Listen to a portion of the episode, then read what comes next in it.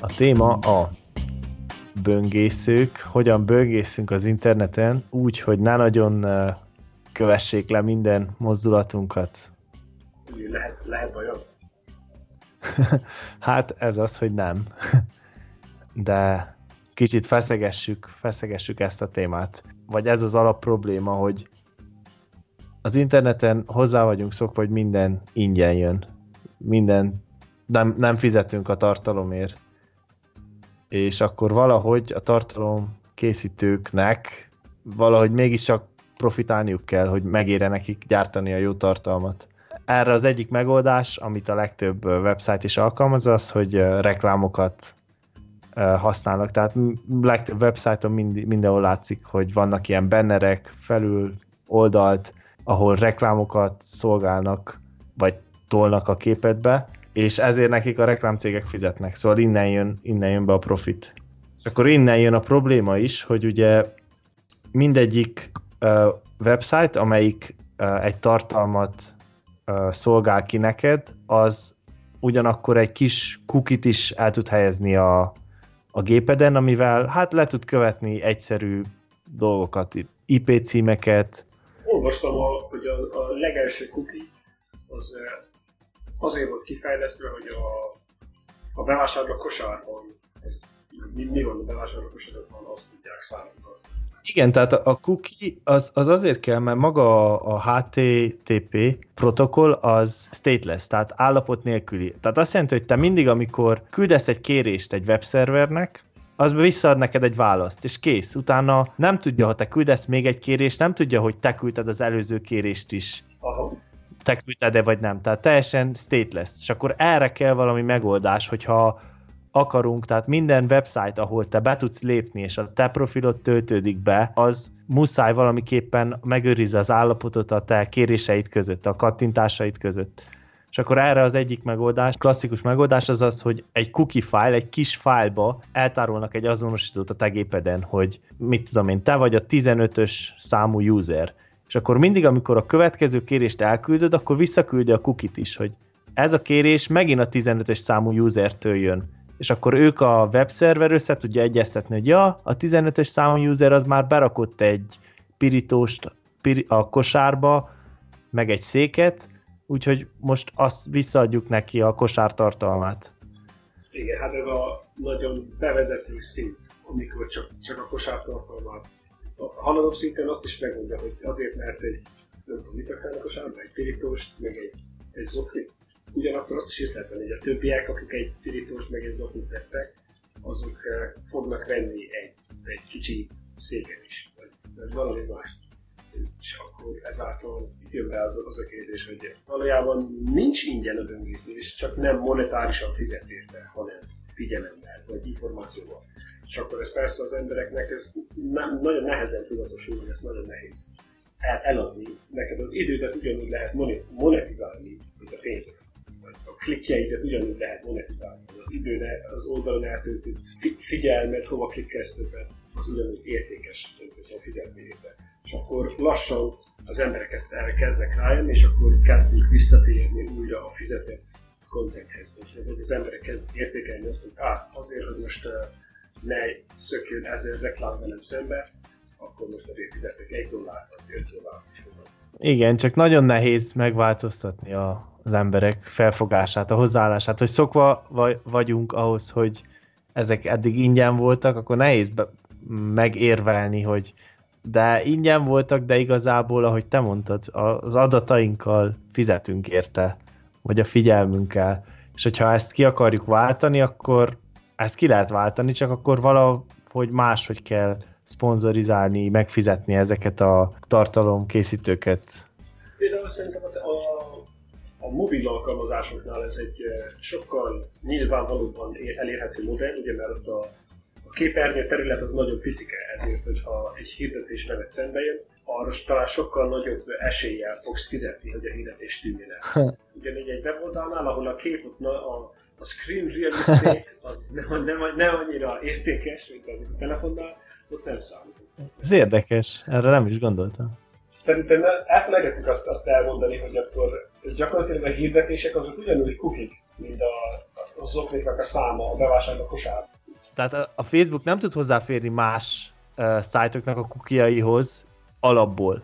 De erre vannak ugye más trükkök, mivel a Facebook nagyon sok szájtra be, be tudja ágyazni a saját kódját is. Vagy a like vagy van ilyen hidden Facebook pixel, amit be tudsz tenni, hogyha akarod így trekkelni, hogy például a, a te hirdetéseid mennyire, milyen konverziós ráta van, vagy ki az, aki rákikkel egy ad reklámra, azután mit csinál a, a szájton, amelyik eh, reklámozott, és akkor, akkor tud trekkelni. És ugyanígy az a csel, hogy ezek a, a reklámokat ilyen nagy konglomerát cégek nyomják ki a weboldalra, akik mind együtt vannak, és egymás között eladják egymásnak az információt, és akkor fel tudnak építeni egy nagy profil. Tehát a legtöbb reklám, amit kapsz a weboldalakon, az mondhatjuk úgy egyszerűsítve, hogy egy nagy cégtől jön vagy több nagy cégtől, és akkor azok viszont már le tudják követni mindegyik szájton, amelyik neked reklámokat ad vissza, hogy mindegyik szájton te pontosan miket csinálsz,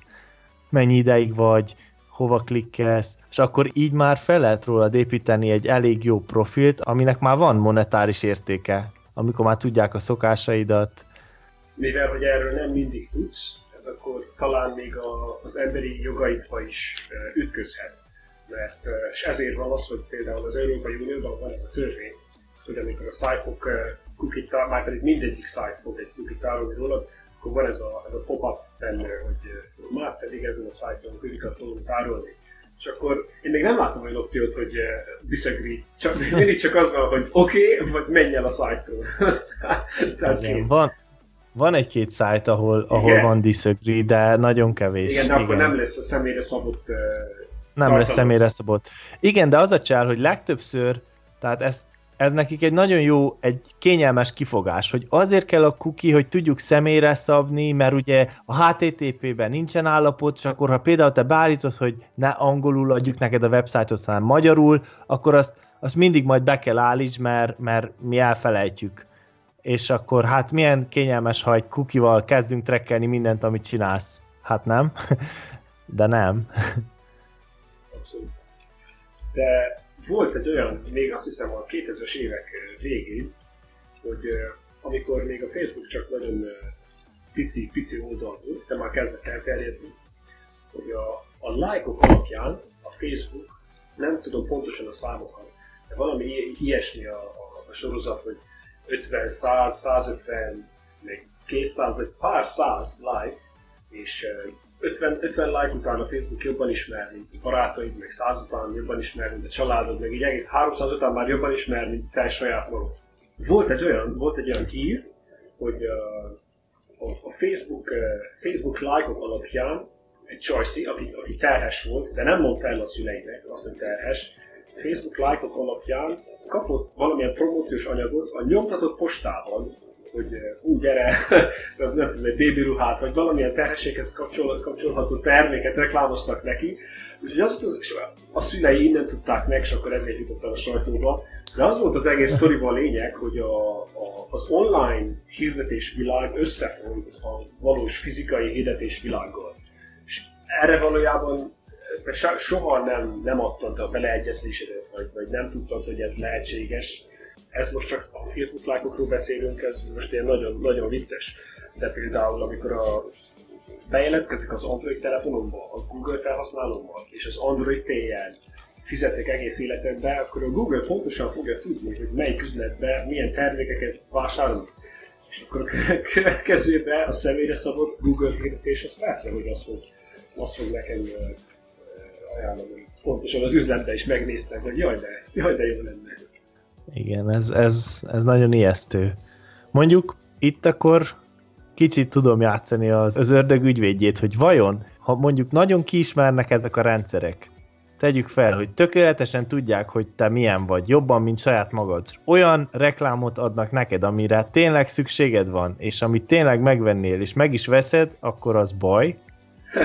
Igen, nem, tud, nem tudom, hogy baj, mert a saját bőrömben én azt érzem, hogy Nem, ez nem volt. Hogyha felmegyek az Amazonra és akarok valamit rendelni, akkor hogyha már egyből jön a recommended termék, mielőtt, ez gyakorlatilag mesterséges intelligencia, csak ilyen... Nem, ez ilyen recommendation engine. Igen, recommendation engine. Tehát neked javasol valamit, még mielőtt bármilyen uh, action uh, végezni. És akkor ez, ez jó, gyakorlatilag felgyorsítja az életedet. De hogyha kétszer is megkérdezed magadtól, hogy erre valójában nekem szükségem van-e, vagy csak meg akartam nézni a weboldalon, hogy a tegnap rendelt biciklim az hol van. Á, de nézd meg, itt van most egy pont jó biciklizár, akkor ezt is nem kellene hozzá megvenni. Ja, értem, mit mondasz. Tehát, hogy mondjuk az algoritmus téged tökéletesen ismer, de ezt nem arra használja, hogy a legjobb terméket mutassa neked, amire tényleg szükséged van, hanem hogy egy kicsit manipuláljon, kihasználja a gyenge pontjaidat, és olyan dolgot is megvegyél, amit mondjuk nem vennél meg. És akkor már ez, visszaélés.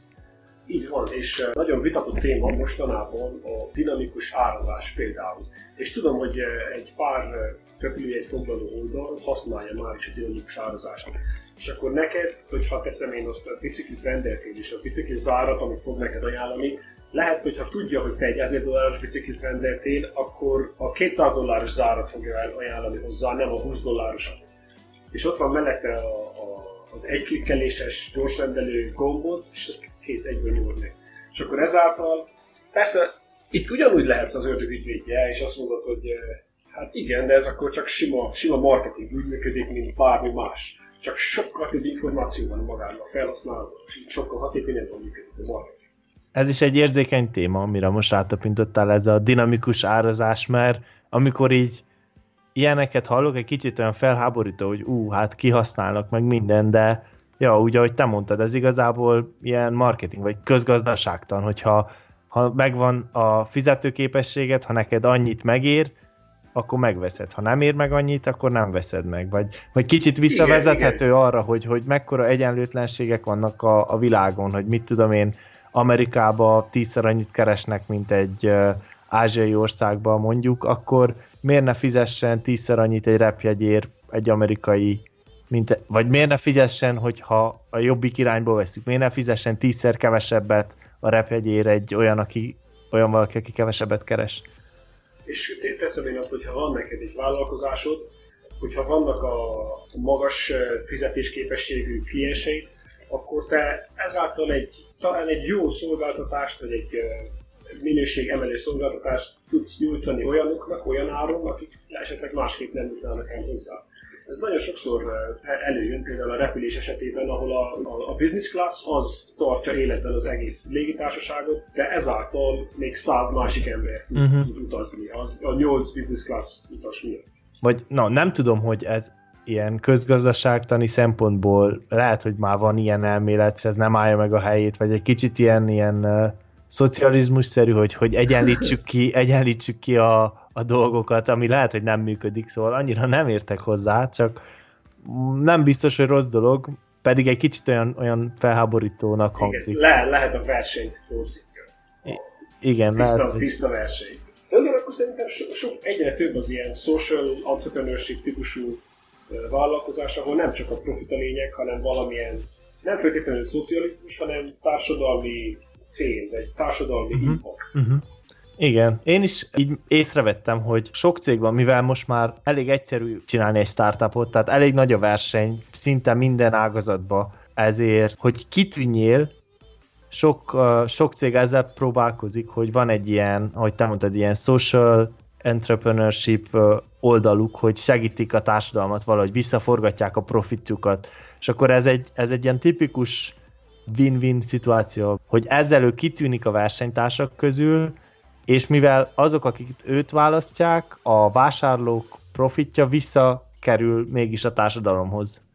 Ezt újra meg lehet ördögügyvédézni. Nagyon híres az egyik nagy social entrepreneurship vállalkozás, a Toms hogy gyártanak egy cipőt, és akkor te megveszed a cipőt 50 dollárért, és ezáltal, amúgy egy jó minőségű cipőt, megveszed 50 dollárért, és ezáltal ők adományoznak egy cipőt valahol valakinek másnak. De ugyanakkor volt egy csomó tanulmány, hogy ha jobban megnézed, akkor azokat a cipőket, ahol ők pont Szabszaharan Afrikában adományozták a cipőket, de viszont ott a helyi vállalkozóktól elvették a munkát. És akkor van egy olyan kifejezés a zöld energiákkal kapcsolatban, vagy egyáltalán a fenntartható fejlődéssel kapcsolatban, hogy greenwashing, és akkor valami ilyesmi, nem tudom, hogy van-e olyan social washing, de rá lehet tenni egy ilyen social entrepreneurship címkét, de ugyanakkor nem biztos, hogy a végcél az még, még jó lesz. Mert egy tiszta piaci helyzetben nem, nem ez történt volna, mert akkor nem 50 dollárért adod el a cipőt, vagy nem adsz egy másikat ingyen. Ó, értem, tehát, hogy úgy tűnik, mintha ez segítség lenne, de igazából, ha a makro skálán nézed, akkor igazából nem, nem segítség. Igen, igen.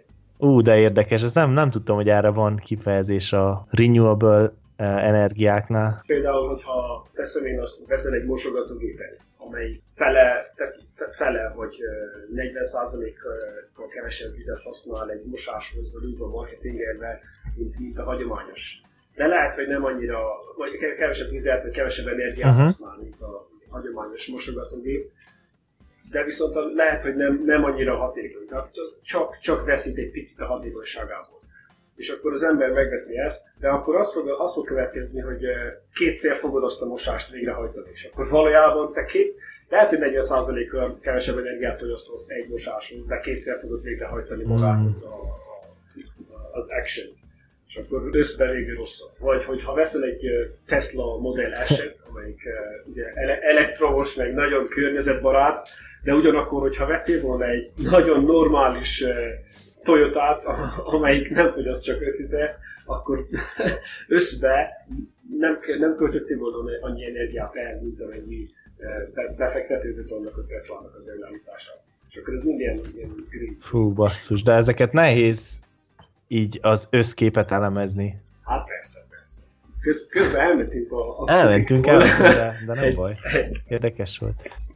Ja, de még, még az is, az is eszembe jutott, hogy én nagyon sokat használom a, a YouTube platformot, főként saját magam szórakoztatására, de, de egyáltalán azért is, mert szerintem a, a YouTube az egyik ilyen igazán a, majdnem az első olyan platform, ahol tényleg a gazdaság annyira kinyújt, hogy a globális szinten bárki, bárki másnak nyújthat szolgáltatást talán ez máshol nem, nem nagyon figyelhető meg. Még régebb, amikor volt talán a blogoknak a leges, legelső korszakában, de akkor még nem volt annyira, annyira hatékony a, a Google-nek, vagy a Bing-nek, vagy a több nagy cégnek a, az a hirdetésrendszere, hogy igazán pénzt lehessen keresni blogolásból. De viszont a YouTube az az első platform, ahol tényleg az emberek kezdtek valós pénzeket keresni.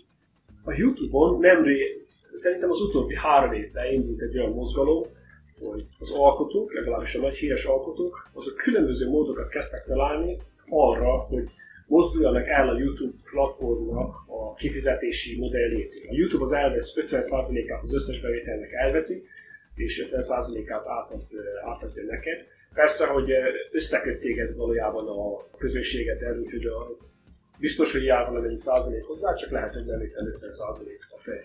És akkor az emberek elkezdtek különböző Patreon platformra, ahol lehet direkt adományozni, vagy, vagy kriptovalutát direkt módon adományozhatsz nekik, vagy van előfizetéses platform, például a YouTube Red, vagy más platformok, ahol eh, egy nominális havi díjért, kis díjért, mit tudom, 5 dollár vagy 10 dolláros díjért, hirdetések nélkül és megszakítások nélkül nézed, nézed a kontentet.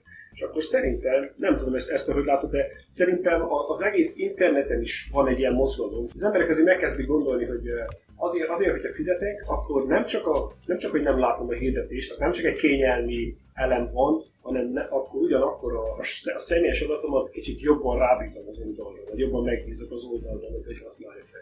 Igen, de, de értem, hogy mit mondasz, hogy különböző módokat keresnek arra a, mindenféle alkotók, hogy ne kelljen reklámokra támaszkodni, vagy ne kelljen úgymond kiszolgáltat a nézők adatait, vagy a fogyasztók adatait ezeknek a adatgyűjtő cégeknek.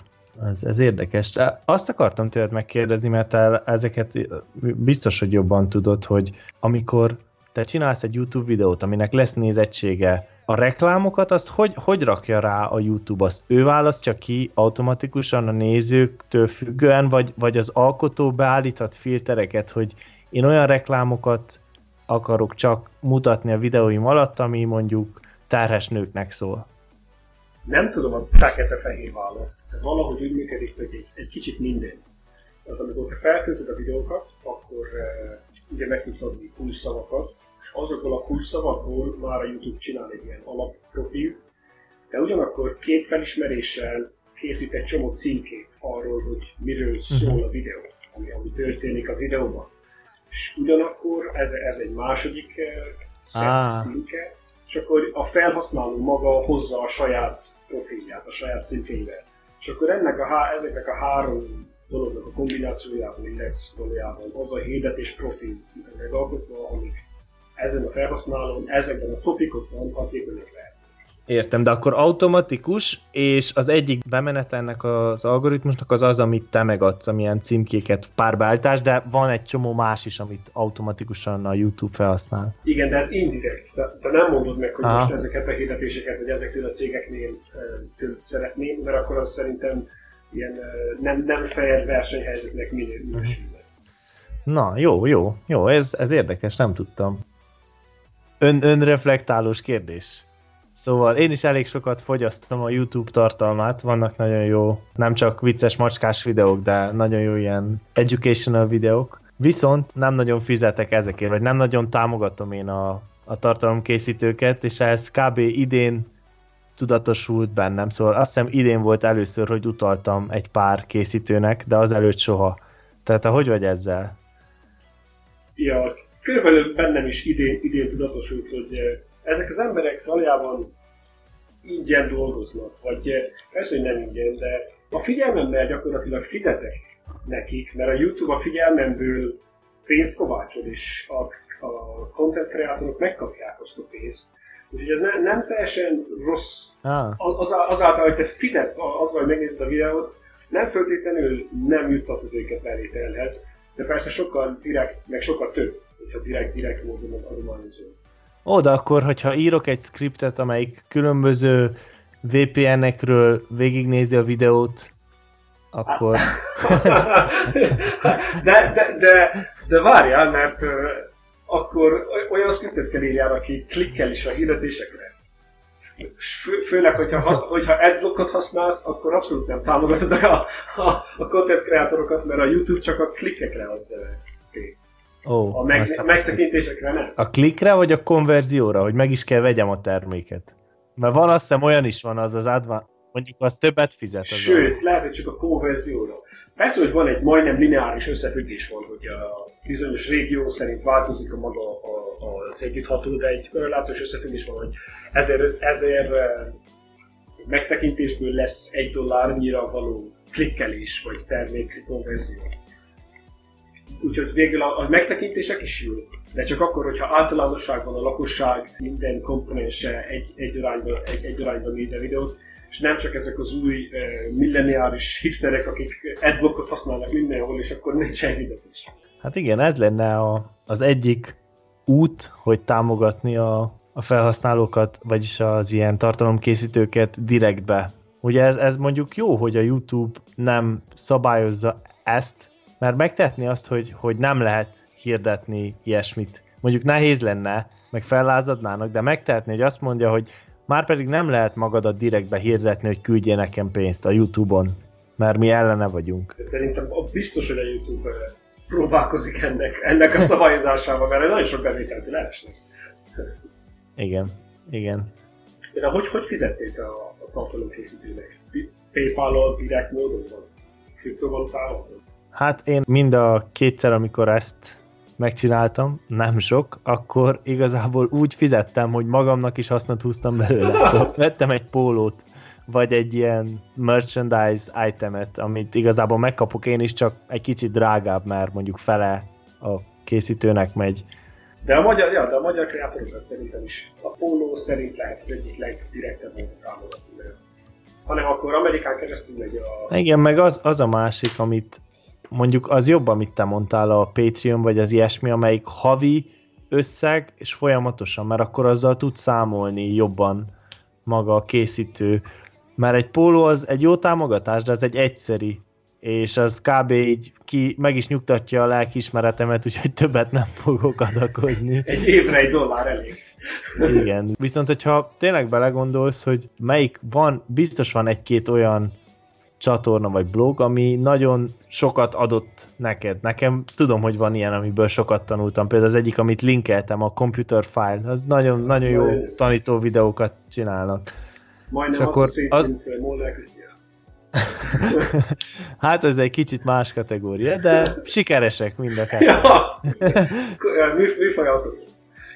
Igen, és akkor me- megérni igazából havonta pár dollárra vagy pár euróval támogatni őket nem lenne nagy kiadás, csak szoktatnom kell magamat ehhez a hozzáálláshoz. Ugye én szerkeztek egy blogot kisebb-nagyobb rendszerességgel, ahol elfogadott Patreon adományokat, ott szoktam nézni a Patreon oldalamon, nem vagyok benne teljesen biztos, hogy a egy havi 1 dollár vagy 3 dollár, ami általában a Patreonnak az átlagodománya, az jobban támogatja a content alkotót, mint hogyha egyszerű alkalommal megveszel egy pólót, teszi még az 30 dollárért. Mert azt a pólót lehet, hogy megveszed egy évbe egyszer, vagy hogyha két évbe is megveszed egyszer, szétosztva a 30 dollár úgyis havonta többre jön ki, mint hogyha a legkisebb adományt választott Patreon.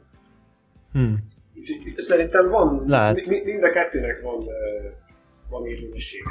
Na de mi lenne, hogyha lenne egy olyan platform, ahol ezen nem kell gondolkozzál, és automatikusan a figyelmedet a content creatornak pénzzel vagy valami más eszközzel jutalmaznak egy platform. Ez jó lenne, és van ilyen platform? Hát van a Basic Attention Token. Ó, oh, ez micsoda? De, de lehet, hogy akkor ki kell tegyük. Te, te mondtad, hogy egy Brave böngészőt használsz, és akkor ez nagyon kötődik a Basic Attention. Uh, igen, a Brave-nek van egy ilyen funkcióra, amire én nem optineltem, tehát én nem veszek részt benne, de elvileg ez az egyik uh, alap ötlet mögötte, hogy egy, az egy olyan böngésző, amelyikbe alapból be vannak építve a reklám, az adblockerek, és uh, küldi az ilyen jelzést a websájtok felé, hogy ne trekkeljen, amit persze a websájtok figyelmen kívül hagyhatnak, ha akarnak. És cserébe azt csinálja ez a website, hogy ugye ki van blokkolva az összes reklám, de az az ötlet, hogy te feltöltöd a, van egy ilyen pénztárcád, egy accountod, amit mondjuk feltöltesz havi 5 dollárral, vagy 10 dollárral, és csak annak függvényében, hogy melyik szájtot nézted a legtöbbet, vagy melyik blogot nézted a legtöbbet, leosztva átutalja nekik a pénzt a Brave. Csak ez az ötlet nagyon jó, csak még nincs a platform annyira eltervezve, mert ehhez mind a két oldal benne kell legyen. Tehát ehhez az internetezők fel kell töltsék a pénztárcájukat, tehát bele kell egyezzenek, és kell legyenek olyan content creatorok, akik szintén beleegyeznek, és ezen a platformon vannak. És ez a kettő még így nem ért össze, mondom, én sem veszek részt benne, de az ötlet az jó. És mi a másik, a Basic Attention Token, vagy? A Basic Attention Token az gyakorlatilag az a tranzakciós eszköz, tehát az a valuta, ami ezt, ezt a, a figyelem adományozást gyakorlatilag át tudja vinni a kreatúrnak. Amikor te feltöltöd a, a Brave-ben az e-walletedet eh, Basic Attention tokenekkel, akkor eh, megvan, hogy minden hónapban 250 Basic Attention token, vagy 1000 Basic Attention token szeretnél elkölteni és akkor, ahogy mondtad, a, a platform azt a, a kreátoroknak, akik optináltak ebbe a funkcióba, Basic Attention Token formájában osztja szét. És akkor persze, hogy ez, ezek mivel virtuális pénzek, ezeket uh, eredetileg bitcoinra vissza lehet váltani, és majd bitcoinról át lehet váltani. És a, de a Youtube-on például én beállítottam a saját YouTube csatornámon, hogy tudjak elfogadni Brave browserből érkező Basic tokeneket, és nem is volt abszolút nehéz. És lesz ugyanúgy, ahogy neked, mint, mint felhasználó, van egy e-walleted, ugyanúgy, mint content creator, van egy másik e-walleted, és ha töltöttem a videókat, meg van egy blogger platform, és a Steamit elég közel. De várjál, akkor a Brave az nem is hagyományos pénzen alapul, hanem ezen a Basic Attention Tokenen? Igen, igen. Ah, ezt nem tudtam, nem, nem is néztem utána. Azért, mert a hagyományos pénz infrastruktúrában ezek, ezek ugye nagyon ilyen, ilyen mikropaymenteknek hívják, tehát nagyon apró tranzakció. És a hagyományos pénzstruktúrában ez nagyon sok hozzáadott költségekkel ja. jár. Csak uh-huh. azért, azért csináltak saját maguknak egy kriptovalutát. Eredetileg a bitcoin kriptovaluta volt, csak ott is a bitcoinnál már az egyet, egy tranzakciónak akkor a, a, a hozzáadott több többlet költsége, hogy akkor csináltak egy saját valutát inkább. Azt hiszem, hogy ez az Ethereum platform hátán pont meg a Brave. És akkor ez, ez, ez úgy hangzik, mint a jövő. hát, ja, 2006 podcast 2006. A Brave az csak, csak a Brave lesz 2006.